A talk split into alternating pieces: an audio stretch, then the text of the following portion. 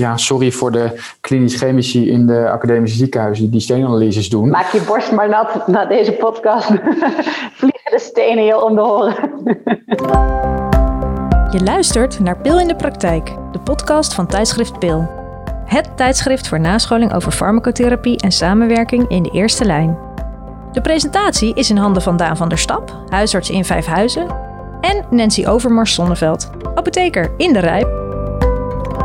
Hartelijk welkom bij Pil in de Praktijk. Mijn naam is Daan en ik presenteer deze podcast vandaag weer samen met Nancy. Hoi Nancy. Hoi hoi. Helaas toch weer digitaal hè, via Zoom vandaag. Natuurlijk wel logisch in verband met weer de gedeeltelijke lockdown. Hoe gaat het met je Nancy? Uh, goed, ja. Ik bedoel, ik snap dat, uh, dat het voor heel veel mensen heel veel impact heeft. Maar voor mij persoonlijk, ik ben lekker aan het werk. Uh, ja, ik kan niet uit eten s'avonds. Maar hè, ik, nee, met mij gaat het goed. Mijn ouders hebben corona. Even, oh. nou, dus met mij gaat het goed. Maar met mijn ouders gaat het inmiddels ook wel weer goed. Maar dus oh, in die zin is het ineens dus heel dichtbij gekomen. Ja, en ja. is het toch weer anders dan een aantal maanden geleden dus ja, dus in die zin is het. Maar met mij gaat het goed. En uh, ik vind het jammer dat we elkaar nu niet live kunnen zien. Want ik ja. moet zeggen, ik had daar ja, wel echt plezier in vorige keer weer. En ik vond het leuk om iemand aan tafel te hebben. dus jammer dat het zo gaat. Maar goed, als we op die manier door kunnen, dan, dan is het niet anders. Podcast is podcast. Maar nee, ja, ik ben met je eens. Ik gelukkig nog geen corona in de familie. Maar ja, het, het, het, gaat weer lekker los in de praktijk. Merk ik ook wel veel Mhm. Het is uh, aan de orde van de dag. Vandaag was echt een uh, eigenlijk absurd rustige dag in de praktijk. Uh, ik denk toch dat mensen wel weer wegblijven. Vanochtend was ook, hoorde ik op het NOS-journaal, de LHV had aangegeven, de Landelijke Huisartsvereniging, dat ook huisartspraktijken soms overbelast raken door ziek personeel. Dus ik dacht, oh god, als patiënten dit horen, dan gaan ze weer massaal de komende twee weken ons niet bellen. En dan moeten we ja, daarna weer alles uh, inhalen. Dus ik, ik, we gaan het zien. Het was vandaag relatief rustig. Misschien was het gewoon toeval. Ja. En uh, jouw handbaldilemma heeft zich gelukkig uh, zichzelf opgelost. Dat is dan weer het goede nieuws. Ja, zo is het ook. En ik moet heel eerlijk zeggen dat ik dat natuurlijk enigszins in de verte wel zag aankomen. En dat ik daarom het ook ik heb geen knoop doorgehakt en had enigszins gehoopt dat dat voor mij zou worden gedaan. En dat was bij deze. Dus uh, inderdaad, heeft zich opgelost. Met dank aan de overheid. Vandaag hebben we op het programma staan de preventie van nierstenen en de rol van voeding en voedingssupplementen hierbij. In het kader daarvan sluit straks digitaal bij ons aan Julie Visser. En zij is diëtist op het AMC op de carousel Poly Nierstenen. En zij is ook een van de auteurs van het nascholingsartikel uit het tijdschrift Pil, wat wij vandaag willen bespreken. Um, en waar gaan we het vandaag nog meer over hebben, Nancy? Uh, nou ja, de, de griepvaccins uh, staan voor de deur. En uh, er is nogal wat te doen uh, in apothekenland, niet alleen in Nederland, maar uh, eigenlijk in heel Europa, over wat de rol van de apotheker daarbij zou kunnen zijn of zou moeten zijn. En dan niet alleen de griepvaccinatie, maar ook überhaupt de verschillende vaccinaties. want de vaccinatiegraad staat natuurlijk onder druk. Er zijn diverse vaccinaties. En daar zou ik even met je over willen praten. Wat is jouw rol? Wat zou mijn rol daarin kunnen zijn? Leuk hot item deze maand. Dus dat uh, lijkt me een goed onderwerp. Nog even iets anders. De vacature binnen de redactie van PIL, uh, die wij de laatste keer ook al noemden, het tijdschrift, staat nog steeds open. En wegens vertrek van een redactielid is er dus een plek vrijgekomen. En is de redactie op zoek naar een nieuwe redacteur. Ben jij een huisarts, openbaar apotheker of ziekenhuisapotheker en lijkt het je leuk om artikelen te beoordelen of artikelen te schrijven en mee te denken over thema's op het gebied van farmacotherapie in de eerste lijn? Stuur dan een berichtje met wat informatie over jezelf naar podcast.pil-nascholing.nl. We maken graag kennis met je. Uh, goed, dan gaan we uh, naar het artikel, het nascholingsartikel Preventie van nierstenen, rol van voeding en voedingssupplementen. Um, urinesteenlijden komt uh, veel voor. 1 op de 10 mensen kan er in de loop van hun leven mee te maken krijgen. Um, in het artikel wordt aangegeven dat we uh, vanuit de huisartsenpraktijk conservatief behandelen. De, er worden voornamelijk pijnstillers voorgeschreven, NSAID's of morfine. Uh, en eventueel kan je doorverwijzen naar de tweede lijn voor um, intensievere behandeling. Waar er voornamelijk over geschreven wordt in het artikel is dat er heel veel diverse steensoorten zijn. Um, en dat, uh, dat er dus manieren zijn om die steensoorten um, te voorkomen door daar je voeding op aan te passen en eventueel voedingssupplementen voor te gebruiken. Nou, en daar gaan wij het uh, met elkaar even over hebben. Ja. Ik dacht namelijk, nou ja, nierstenen, dat weet ik wel. maar er ging een wereld voor me open. Ja, want, want wat dacht je, dat weet ik wel. De, de, de, zeg maar gewoon de standaard pijnbehandeling, wat wij in de eerste lijn doen? Of... Nou, eigenlijk voor. Nee, ik dacht uh, voornamelijk de pijnbehandeling ken ik. En ja, ik, ik had geen idee dat daar zo'n. Uh, ja, ik dacht dat is gewoon, uh, dat zijn kristallen. En ik moet eerlijk zeggen dat ik dan niet een idee had waar die kristallen uitgevormd uh, zijn. Nu ik dit las, dacht ik, mijn god, ik wist niet dat, dat dit zo'n. Het is echt heel specialistisch en, uh, en ook heel interessant eigenlijk. Maar dit was echt een, een laadje wat bij mij nog helemaal niet uh, gevuld was. Nee, en wat jij net terecht al zei, uh, de prevalentie is best hoog. Ik krijg regelmatig mensen in de spreekkamer met uh, urinesteenlijden. En al helemaal op de huisartsenpost is het echt, ehm, echt regelmatig. Ik heb wel diensten meegemaakt, een avond- of een weekenddienst. Omdat je dan natuurlijk geconcentreerd alle nou ja, nierstenen komen eigenlijk altijd wel, voor zover het nierstenen kan noemen. Mm-hmm. dat die kan nu wandelen, maar die komen daar wel naar de hap gewandeld omdat de pijn zo hevig is. Maar is het, is het een lastige diagnose of helemaal niet? Nee, het klassieke beeld met koliekpijn en, en dat je het dan vaak al wel vermoedt. En dan vaak doe je een, een urinetest en dan vind je eries in de urine. Ja, dan ben je vaak wel snel klaar dat je het altijd vermoedt. En dan, uh, ja, dan geef je diclofenac en dan laat je iemand even in de wachtkamer zitten of buiten rondlopen. Of, en dan uh, ben je er snel wel uit. Dus het, vaak is het niet ingewikkeld. Maar dat is ook een beetje de valken aan. Dat leer ik ook wel van dit nascholingsartikel.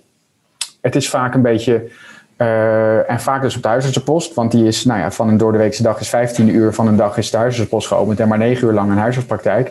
Dus de huisartsenpost ben je vaak dienstdoende voor iemand anders een patiënt en daar is het druk en daar is de, uh, de turnover groot van patiënten en je denkt, hup, dit oplossen en volgende probleem aanpakken.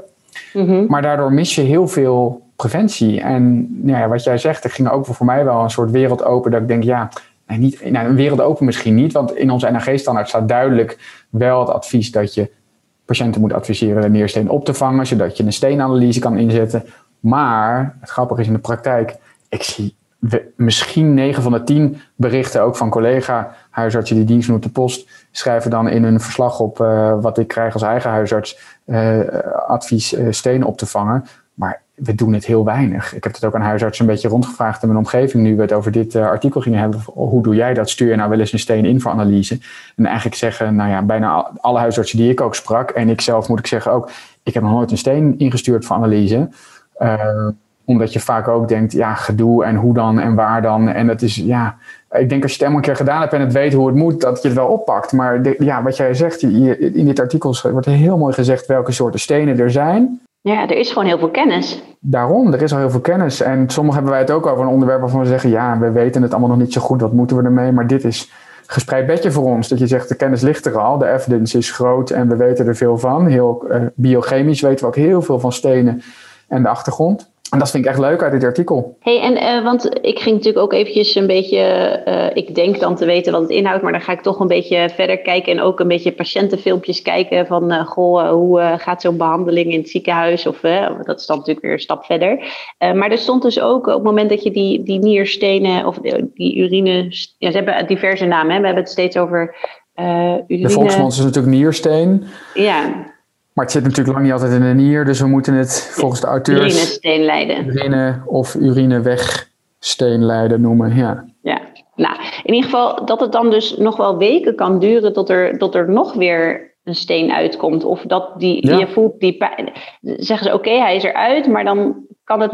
Want je hebt nooit één steentje tegelijkertijd, of is, is dat... Meestal is het één steen die klem komt te zitten. Alleen voordat die steen helemaal gepasseerd is Um, dat, dat zag je vanuit de blaas, hè? want het is het pijnlijkste traject is van de nier naar de blaas toe.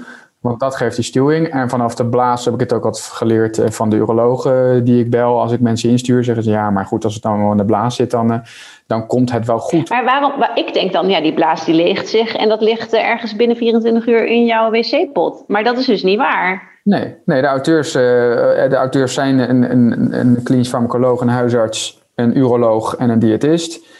Um, en er wordt gewoon duidelijk gezegd door de auteurs van het kan echt gewoon twee tot vier weken duurt het vaak wel. Zo lang moet je dus door het zeefje plassen. Dus eigenlijk soms zelfs een maand. Nou, dat is best intensief. Maar ja, denk ik wel de moeite waard. Want ik, ik was vooral wel verbaasd. Het meeste misschien nog wel over de, de, de recidiefkans.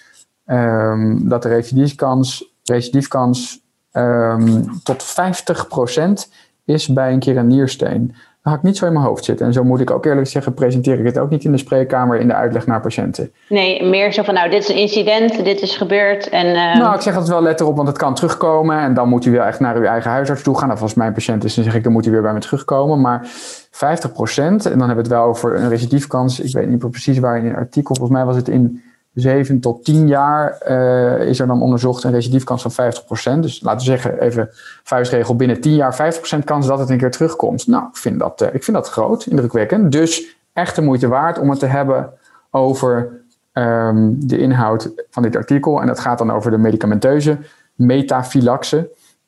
Het is, geen, uh, het is natuurlijk een soort profilaxe, maar dat vond ik ook wel een mooi woord. Ik denk, oh ja, dat is ook een woord.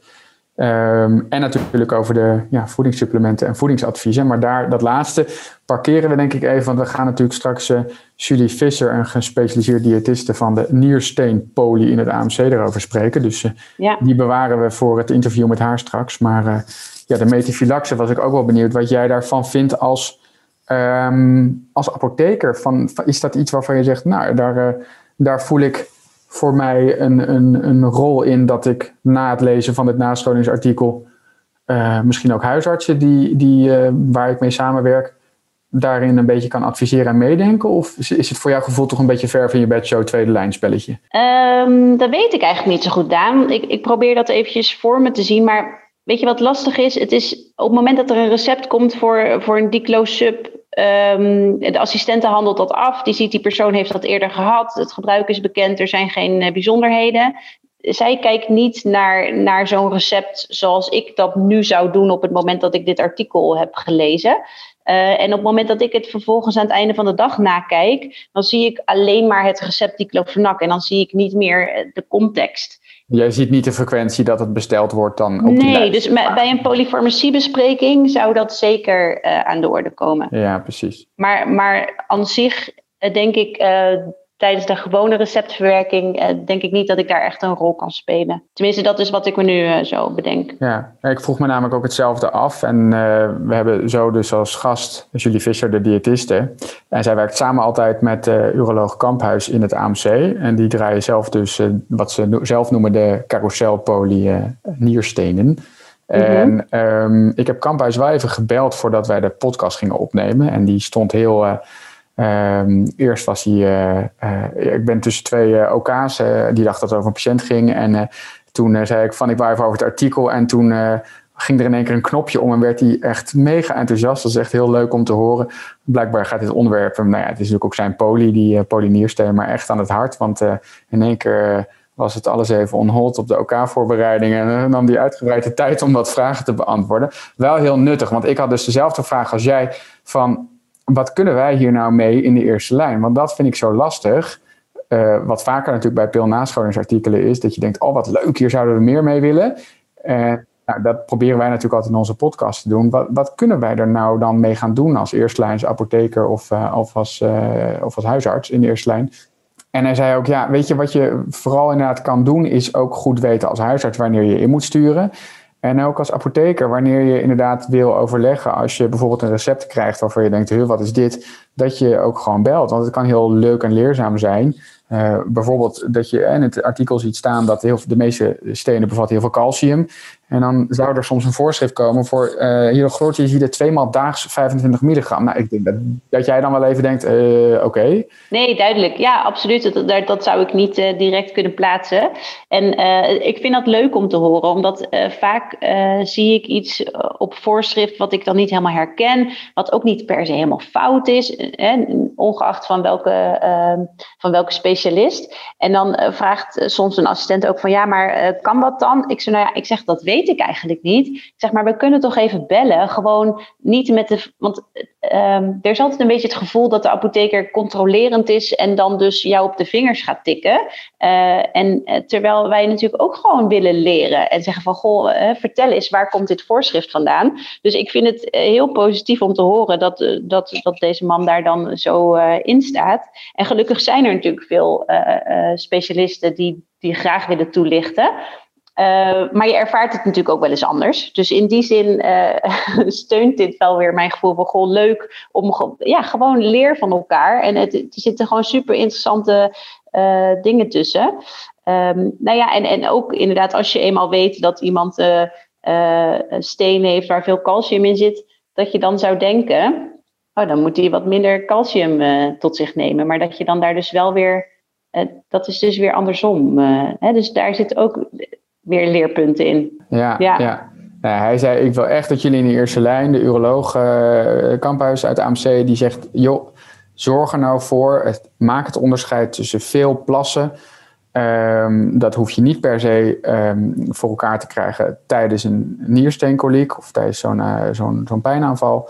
Mm -hmm. Maar wel als, er komt het woord weer, de, de metafylaxe, dus de eigenlijk profilaxe van een nieuwe, um, uh, voorkomen van een nieuw recidief van een, uh, een urinesteen, yeah. is veel drinken en veel laten plassen en test het. Hij zei ook, test het nou alsjeblieft. Iemand moet meer dan 2 liter per dag plassen oh, testen of iemand inderdaad daadwerkelijk zoveel plast. Ja. Ja, 24 uur urine opnemen. Of, uh, op... Juist, 24 uur urine opvangen in zo'n bokaal is eenvoudig te bestellen via, voor ons als huisarts via de lokale lab. Ja. En dan gewoon tegen iemand zeggen, plas, plas maar alles de komende 24 uur in, uh, in die fles. En dan gewoon ook meten. Want heel veel mensen zeggen, ik drink echt al veel hoor dokter.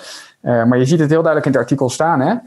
elke 200 milliliter die iemand op een dag drinkt, geeft per 200 milliliter dat iemand drinkt 13 Um, risicovermindering op een, uh, op een recidief. Nou, dat is gewoon heel concreet. We hebben het erover. Hè? Hele concrete cijfers die al bekend zijn. Het is, we weten er heel veel van. We passen het vaak weinig toe. Dus uh, laat, test het gewoon. Geef wat advies. 2, 2,5 liter drinken. Maar als je weer een recidief ziet, gewoon een keer testen. Denk dat was het vierde recidief in de afgelopen jaren. Ik ga gewoon niet iemand 24 uur urine laten opvangen.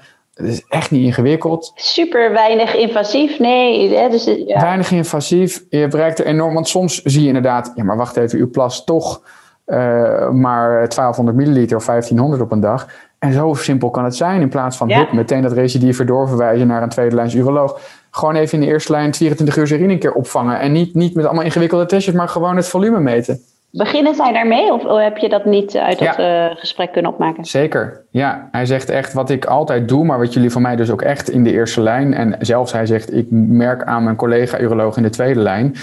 Uh, dat het ook geen sexy onderwerp is. Het wordt vaak ook in de tweede lijn geen steenanalyse gedaan. En toen vroeg ik hem, hè, waarom niet? Je gaat dit nu voor de eerste lijn schrijven. Hij zegt, nou, niet mijn collega's uit de tweede lijn. Hij, hij spreekt natuurlijk vanuit de derde lijn met zijn heel gespecialiseerde poli. Hij krijgt natuurlijk vanuit de tweede lijn collega's weer recidiverende stenen weer doorverwezen naar het AMC, omdat het maar niet overgaat. Maar je zegt, ja, ik merk toch ook wel toch wel regelmatig dat ik vanuit de uh, tweede lijn iemand krijg met herhaaldelijk recidive, waar wel heel goed de drinkadviezen zijn gegeven en een lab op calciumalbumine is gedaan, uh, maar nooit een steenanalyse. Maar dus gewoon niet gecheckt is? Waar gewoon geen steenanalyse is gedaan. En soms zal het, zei hij ook, zal het gewoon niet gelukt zijn. En ik heb natuurlijk een enorm vertekend beeld, zei hij terecht ook, denk ik, van, van vanuit de derde lijn krijgt hij alle ingewikkelde gevallen. En dat hij achteraf denkt, had nou even dit. Hij zegt vanaf van achteraf praten is natuurlijk altijd te makkelijk. Maar zijn praktische tips voor ons in de eerste lijn waren, dat is dan vooral voor de huisartsen. Geef nou goede drinkadviezen voor een recidief voorkomen en ga dat meten. 24 uur urine opvangen. Um, prik een lab met calcium en albumine met gewoon een gecorrigeerd calcium meten. Omdat heel veel stenen, het grotendeel is een calciumsteen. Nou, als je dan inderdaad een hypocalciumie bij iemand vindt, dan weet je in ieder geval iets wat je kan doen verder. Of in ieder geval welke richting je in moet denken, wat de oorzaak kan zijn. En steenanalyse inzetten. Dus als derde gewoon het steentje opvangen. Ik bedoel, heel ingewikkeld is het niet. Het is toch nog een theezeefje plassen twee tot vier weken lang. En concreet, dat zou je uh, bij de eerste ook al adviseren of bij een recidief? Nou ja, dat is natuurlijk wel interessant, het artikel. De auteurs schrijven dus op, dat doen we vaak nog niet. Maar waarom niet? Hoe groot is de moeite, dat heb ik gedacht na het lezen van dit nascholingsartikel, om gewoon tegen iedereen op de huisartsenpost en in mijn eigen praktijk te zeggen, heb je een klein zeefje thuis, zo niet, koop het morgen in de... Ja, maar wat ik me nu bedenk is dat je dan, uh, dan, dan, dan weet je waar die steen uit bestaat en dan weet je waar je op zou kunnen letten. Mm -hmm. uh, maar dan ga je nog niet naar een situatie waarin je de diëtiste gaat vragen om allerlei uh, voedingssupplementen of iets dergelijks te gaan slikken, nee. toch? Ik denk nee. dat, dat dat nog een beetje uit, dat dat een, een volgende stap dan. Ja, ja, nou, dus ben ik benieuwd wat de diëtiste daar ook van vindt. Want dan gaan we er zo vragen van wat, wat vind je nou dat we in de eerste lijn misschien toch al wel kunnen doen aan basisvoedingsadviezen? behalve veel drinken. Dus laten dat. En het allerlaatste ja, het punt wat ik nog wilde noemen, wat leerzaam was, wat ik van Kamphuis hoorde, is dat hij zei: We maken vaak, wij laten als huisarts nu vaak bij recidieven uh, een, een, echo maken, in ieder geval van de urinewegen, om te kijken of er geen uh, verwijding blijft van het nierbekken of van de ureteren. En um, als er onduidelijkheid blijft staan, dan maken we een buikoverzichtsröntgenfoto. Hij zei, ja, dat zie ik echt vaak misgaan. Ik zou willen pleiten ook dat jullie vanuit de eerste lijnen veel vaker bij recidieven uh, alvast maar een blanco CT-scan van de buik aanvragen. Dan heb je natuurlijk ook over röntgenstraling. Maar hij zei, zo'n blanco CT-scan geeft uiteindelijk ongeveer 2,5 keer de dosenstraling van een buikoverzichtsfoto. Dus het stelt echt niet zoveel voor. En die zou voor hem veel, uh, veel, die is veelzeggender. Ja, hij zegt die, heel vaak zie je stenen niet goed, zeker stenen die weinig calcium bevatten, uh, zie je niet goed op, de, op een röntgenfoto en extreem goed op een CT-scan. Uh, en hij zegt, je moet natuurlijk niet bij iedereen meteen een CT, want dan wordt de radioloog weer boos dat ik dit vanuit de derde lijn roep. Maar hij zegt, het wordt ook in de, vooral de tweede lijn. Hij zei het een beetje dubio of jullie dat als huisartsen moeten doen of dat mijn tweede lijnscollega's dat meer moeten doen. Maar ja, hij zei, je mag het best wat vaker doen als je twijfelt en er niet verder mee komt. En, um, dus dat vond ik ook nog wel uh, leerzaam. Maar ik ben vooral benieuwd naar de adviezen straks van, van Julie ook over de... Ja, zeker. En nog even één vraag. Um, verwijs je altijd door bij een recidief of pas na zoveel keer? Staat er, wat staat er in jullie standaard? Of? Ja, het ligt een beetje aan de frequentie um, of de interval tussen twee aanvallen. Als iemand inderdaad na acht jaar weer een keer heeft, ja, dan ga ik vaak inderdaad, nu wat ik nu doe, is vaak adviezen geven over. Ga nou dat, ja, dat, dat beter drinken om die recidief te voorkomen. Dus blijf de komende tijd gewoon heel goed drinken. En bij een derde recidief binnen tien jaar neig ik vaak dan eerst naar vanuit de eerste lijn een, een, een beeldvormend onderzoek via de radioloog. En afhankelijk van die uitslagen ga ik eens bedenken van, goh, is dit nou iets um, ja, of ik persisterende stenen zie. Maar daar leer ik dus weer van, want vaak doe ik nu dan een echo en soms aanvullend maakt de radioloog een buikoverzichtsfoto. Maar die, steen die komt echt op de laatste plaats eigenlijk. Uh, tenminste, dat, moet, zou dus, dat zou dus niet moeten zijn, maar dat, dat is dus nu in de praktijk. Nee, zou veel eerder moeten. Maar dat, in de praktijk is het dus echt vaak kijken op een buikoverschriftsfoto en met een echo zitten er nog stenen. En heel weinig inderdaad van het eerste lijn en uh, een CT. En als je daar geen stenen ziet op de echo en de buikoverschriftsfoto, ja, dan verwijst ik in ieder geval de meeste huisartsen volgens mij niet door uh, als het maar één, drie keer in, in tien jaar is, weet je, als het echt drie keer per jaar is, dan gaat iedereen wel doorverwijzen, want je wil de patiënt ook van de ellendige pijn afhelpen. Maar dat, dat, ja, dat verandert mijn handelen, denk ik nu wel met dit, uh, met dit artikel. Dus dat vind ik wel echt leuk. Heel concreet, iets, ja, echt iets wat ik morgen anders ga doen. Ja, ja het is grappig, want het artikel is dus uh, aan de ene kant uh, toch meer voor huisartsen in die zin dat je daar in je praktijk iets in kan veranderen. Het is uh, voor de diehard uh, apothekers ook wel leuk om te zien wat er biochemisch allemaal uh, uh, bekend is en te vertellen is. En dat, wellicht komt dat zo nog wat meer aan bod. maar het is ook, er zitten heel wat woorden in waar die hoog scoren op, op je Scrabblebord. Het is wat dat betreft wel een, een uitdagend artikel. Um, maar ja, ik heb er wel veel uitgehaald. Maar goed, zoals we nu al een paar keer hebben gezegd, zullen we zo meteen met uh, Julie Visser uh, bellen. Zij uh, kan ons als diëtiste op de carousel polynierstenen in het AMC hier echt heel veel meer over vertellen. dus daar kijk ik naar uit. Maar nu eerst even dit. Ja, misschien heeft u ook wel zo'n oproep van uw huisarts gekregen. Het is weer tijd voor de jaarlijkse griepprik. Oké, okay, dan even heel iets anders, Nancy. Want we gaan het even hebben over het griepvaccin, de griepprik. Uh, die ga ik uh, nou, heel snel alweer aan al mijn patiënten geven. Het wordt een heel, uh, heel heisa dit jaar door de coronamaatregelen. Ja, ik wou net zeggen. Organisatorisch even anders, maar komen we ook wel weer uit, zoals met heel veel in deze crisis. maar grappig is dat voor de uitzending hadden we het erover van... goh, wat is nou een leuk samenwerkingsonderwerp om te bespreken? Want dat doen we altijd even helemaal los van het inhoudonderwerp van ons nascholingsartikel. En toen kwam jij ook met het griepvaccin. Ja. Terwijl ik juist denk, daar heb jij weinig mee van doen als apotheker, want ik bestel ze allemaal bij een landelijke organisatie daarvoor, uh, de SPG, en ik krijg daar ook mijn vergoeding van. En toen kwam jij in één keer van, oh, ik, wil er ook, ik vind daar ook wat van, dus praat me bij, ik ben heel benieuwd. Ja, nou ja, het, eh, het, het, niet alleen het griepvaccin, maar onder andere het griepvaccin. Er zijn natuurlijk een heleboel uh, vaccinaties worden er gezet. wellicht over niet al te lange tijd ook eentje tegen COVID, zou ook prettig zijn. maar ehm, het is dus zo dat er een, ehm, in Nederland, maar ook in Europa, wordt nagedacht over uh, wat is de rol van de apotheker in, in dit verhaal. En dan, dan kan je het over het griepvaccin hebben, maar ook over het hele vaccinatieprogramma. En um, ik, het is mij niet helemaal duidelijk wat de aanleiding is. Ik kan namelijk heel goed bedenken dat een apotheker heel goed is in het, uh, zeker uh, groot, we zijn een laagdrempelige zorgverlener. Uh, We hebben hele goede kennis van het opslaan van medicatie, het verspreiden van medicatie. Ehm, maar dus er wordt eigenlijk gezegd dat het al in een heel aantal landen in Europa zo is dat de apothekers een heel grote rol spelen. Niet alleen bij het distribueren, maar dus ook bij het toedienen van de vaccins. En dat dat uh, wellicht voor Nederland ook interessant zou zijn. Nou, de, de KNP, eh, onze beroepsvereniging, is daar ook voorstander van. En ja, ik vroeg me dan eigenlijk af, ja, ik denk ook dat wij dat kunnen. Ik denk dat we dat heel goed zouden kunnen. Ik denk het ook. maar toen dacht ik ook een beetje, gaat het nu niet goed genoeg dan? Of, of kijk, het is natuurlijk een beetje een kwestie van, het is zorg verlenen, maar het is ook een van de hand, ja, eh, wat je zegt, je krijgt er ook een vergoeding voor. Ik, ik kan niet helemaal zien, proberen we een fout op te lossen of, of is het... De vaccinatie gaat proberen we die puur te ver... Nou, dat vraag ik me ook af meteen als ik dit van je hoor. Ik vind het interessant. Kijk, bij huisartsen is natuurlijk altijd, wat ik altijd tenminste heb meegemaakt, is het tweeledig. Aan de ene kant het gemopper en al helemaal nu in, in, in covid-tijd eh, wat een gezeik het is om dit te organiseren, om het maar even gewoon plat te zeggen. En uiteindelijk krijgen we daar natuurlijk ook wel vergoeding voor. Dus gaat er aan de anderzijds dus ook het geluid op, behalve dat het gezeik en veel werk is. En eigenlijk, hè, er zijn genoeg huizen die zeggen, laat de GGD dat nou doen. En waarom doen we dit toch?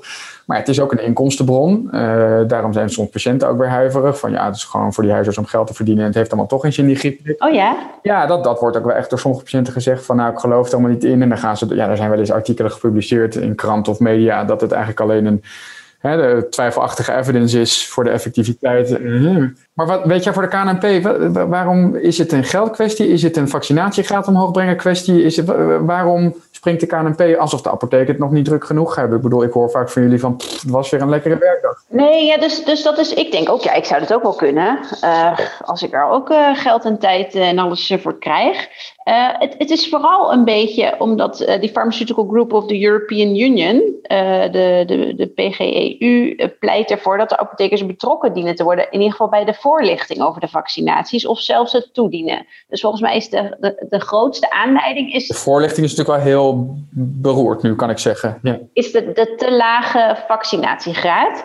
Um, maar dan weet ik ik denk dan gelijk aan, um, aan de, de anti-vaxxers uh, meer in het Rijksvaccinatieprogramma. Hmm. Ik weet niet of, of weet jij iets over de vaccinatiegraad met het griepvaccin? Is, is dat, dat nou, die, die is vergeleken met het Rijksvaccinatieprogramma veel lager. Echt veel lager. Is, maar is, is die dan überhaupt nog hoog genoeg?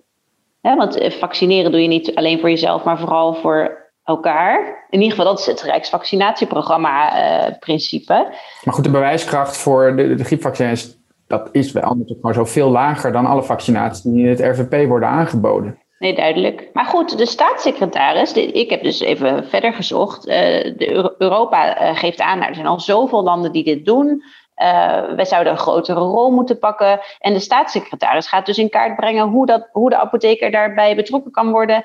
En er is een motie ingediend. En ja, de KNP is daarvoor. En ik, ik dacht, ja, wat zouden jullie dat fijn vinden? Dat je denkt, nou, die troep hoef ik niet meer. Of... Nou ja, ik denk, eh, ik denk dat het dus per huispraktijk verschilt. Ik denk dat er huisartsen zijn praktijkhouders die denken, ja goed, het is altijd wel een, een, een, een soort, behalve dan dit jaar met COVID is het gedoe, maar normaal is het, ik ben natuurlijk pas praktijkhouder sinds een paar maanden nu, maar ik denk voor praktijken is het soms een makkelijke inkomstenbron met een, een eigenlijk gewoon een routineklusje. Dus ik kan me voorstellen dat praktijkhouders die ook luisteren naar de podcast denken, ja neem me dit nou niet af, dit is een makkelijk inkomen en iets wat ik prima zelf kan doen.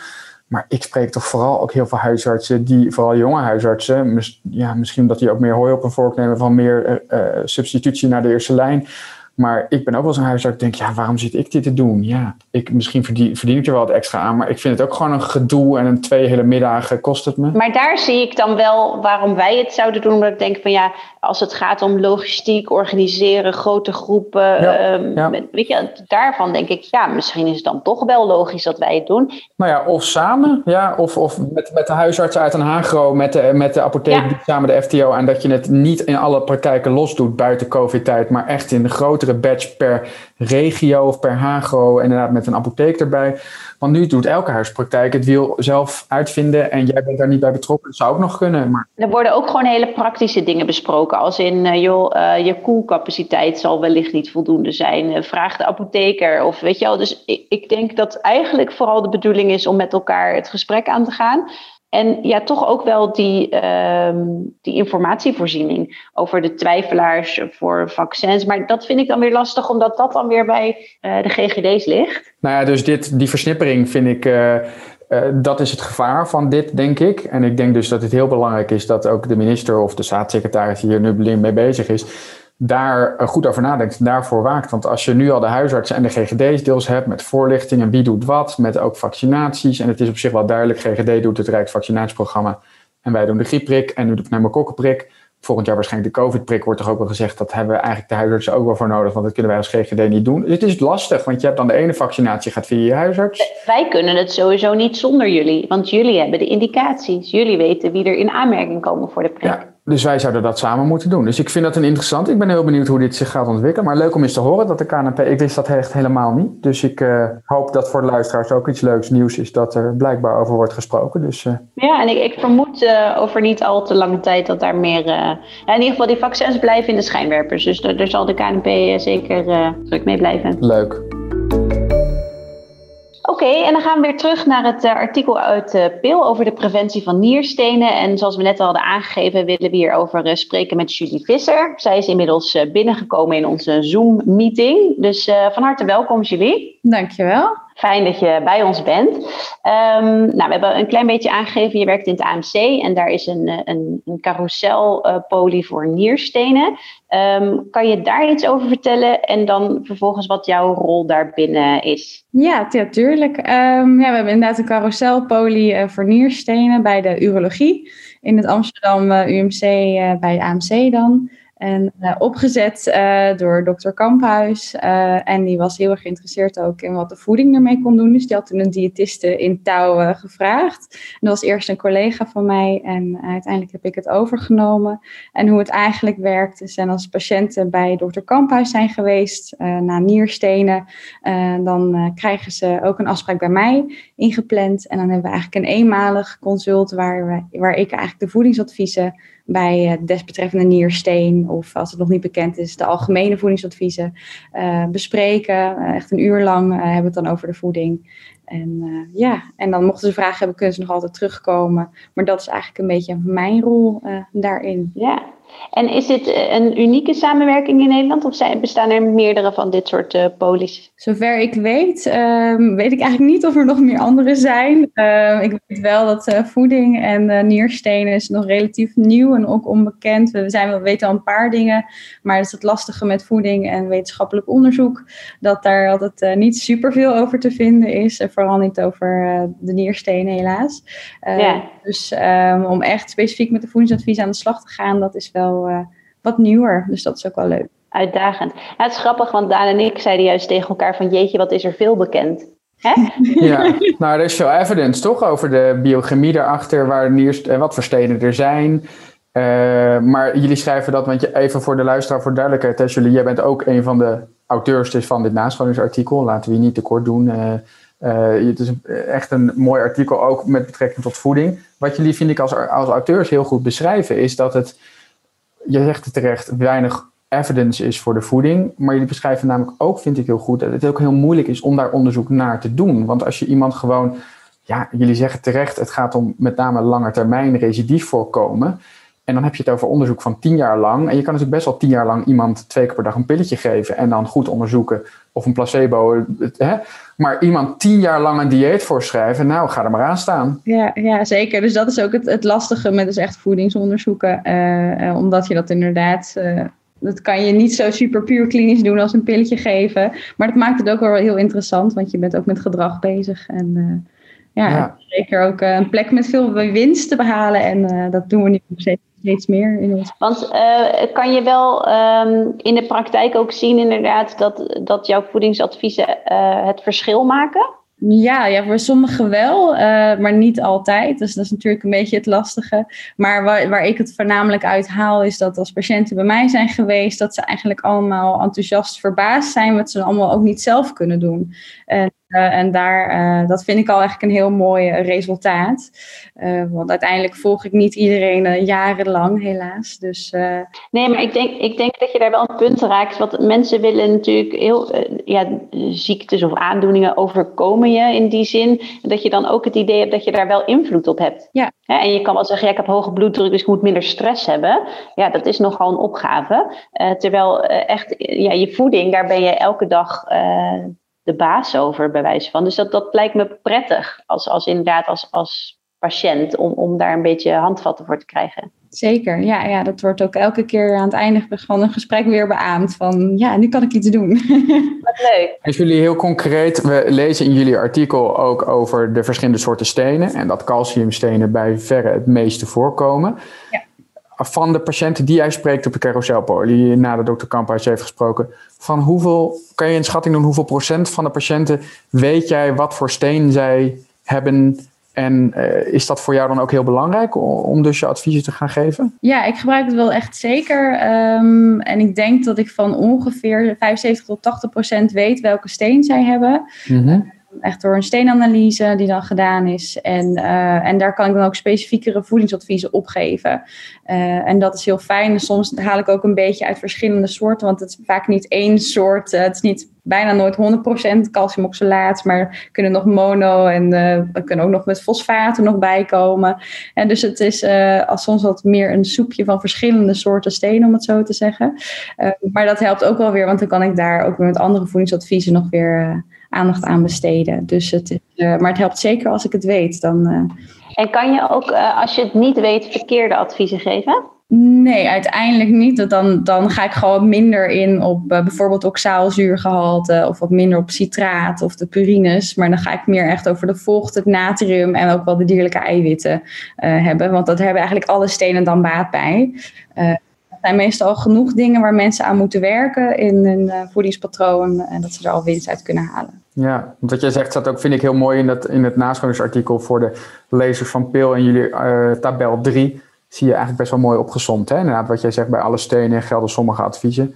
Ja. En bij uh, ja, sommige stenen zie je in die tabel, vind ik heel mooi terug, welke adviezen je uh, specifiek dan moet geven bij, als je wel het steensoort weet. Precies, ja. Denk jij, denk jij dat, kunnen wij hier iets mee in de eerste lijn? Want het is natuurlijk, de prevalentie is ontzettend hoog. Jij bent natuurlijk heel specifiek, dat zei Kamphuis ook al tegen me toen ik hem belde, op een derde lijn poli bezig. Die krijgen de ingewikkeldste gevallen die het meest wanhopig zijn. En vaak al vanuit de tweede naar de derde lijn zelfs doorverwezen, omdat niemand het meer weet. Mm-hmm. Maar, maar hoe, zie, hoe zie jij dat met jouw expertise nu en je voedingsadviezen? Denk jij, goh, hier zouden eigenlijk mijn collega's, diëtisten in de eerste lijn, ook meer van moeten weten en meer met huisartsen gaan samenwerken? Uh, of, of zeg je, dit is echt wel derde lijns materie? Nee, ik denk zeker ook wel juist omdat die prevalentie zo hoog is, dat iedereen, dat we hier al met z'n allen veel meer op kunnen letten. Uh, en ook, ook mijn collega-diëtisten zeker. En dat uh, doen ze ook wel.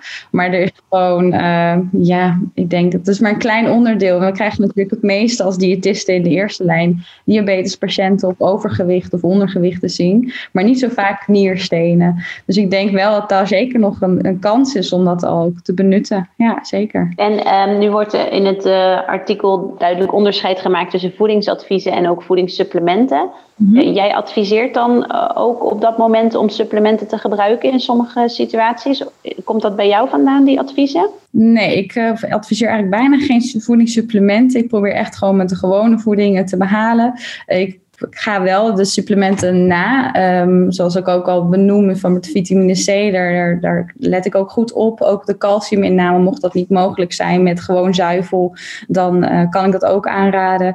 Uh, maar voor de rest ga ik verder niet op de specifieke supplementen in. Dat zijn meestal dan uh, de artsen die daar wat meer over zeggen. Want over die calcium, hè, weet, weet jij daar nog iets van? In het artikel wordt het door jullie als auteurs goed beschreven dat het, het voelt tegenstrijdig. Dat zei Nancy net ook al het eerste gedeelte van de podcast.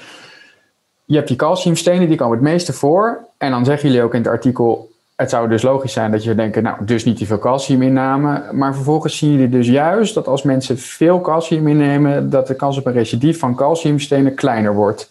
Ja, ja. Snappen ja. we waarom of is dat niet duidelijk?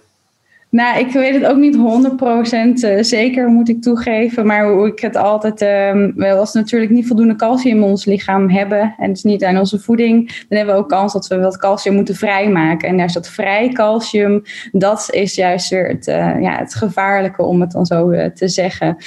we zien ook mensen die bijvoorbeeld meer short syndroom hebben, of dat soort dingen, die dus ook moeite hebben met hun calcium, dat ze dus ook een hoger, ja, ja, gevaar hebben voor de nierstenen te ontwikkelen. En dus dat is ook wat meer, dat zien we ook vaak wat meer uh, vrij calcium weer voorbij komen.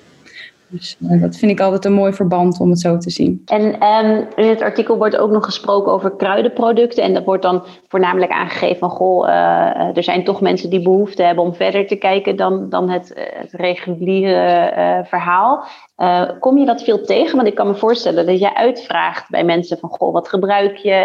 En, dus niet dat je het adviseert. Dat, tenminste, dat, dat is nu een aanname. Ik denk niet dat je dat adviseert, maar misschien ja. is dat niet, niet waar. Ja. Um, maar je, je vraagt er wel naar. Of en weet je dan wat je daarmee kan? Of Zeker, ik vraag er zeker naar. En um, als ik het, um, ik kijk gewoon echt wel van wat is er van, van toepassing. Uiteindelijk ben ik niet heel veel tegengekomen, moet ik zeggen. De meeste mensen blijven toch echt gewoon bij de huistuin, keukenkruiden die ze kunnen vinden bij de etels, de multivitamines, uh, dat soort dingen. En ga niet, ik heb niet vaak de Chinese kruiden voorbij zien komen, moet ik eerlijk toegeven.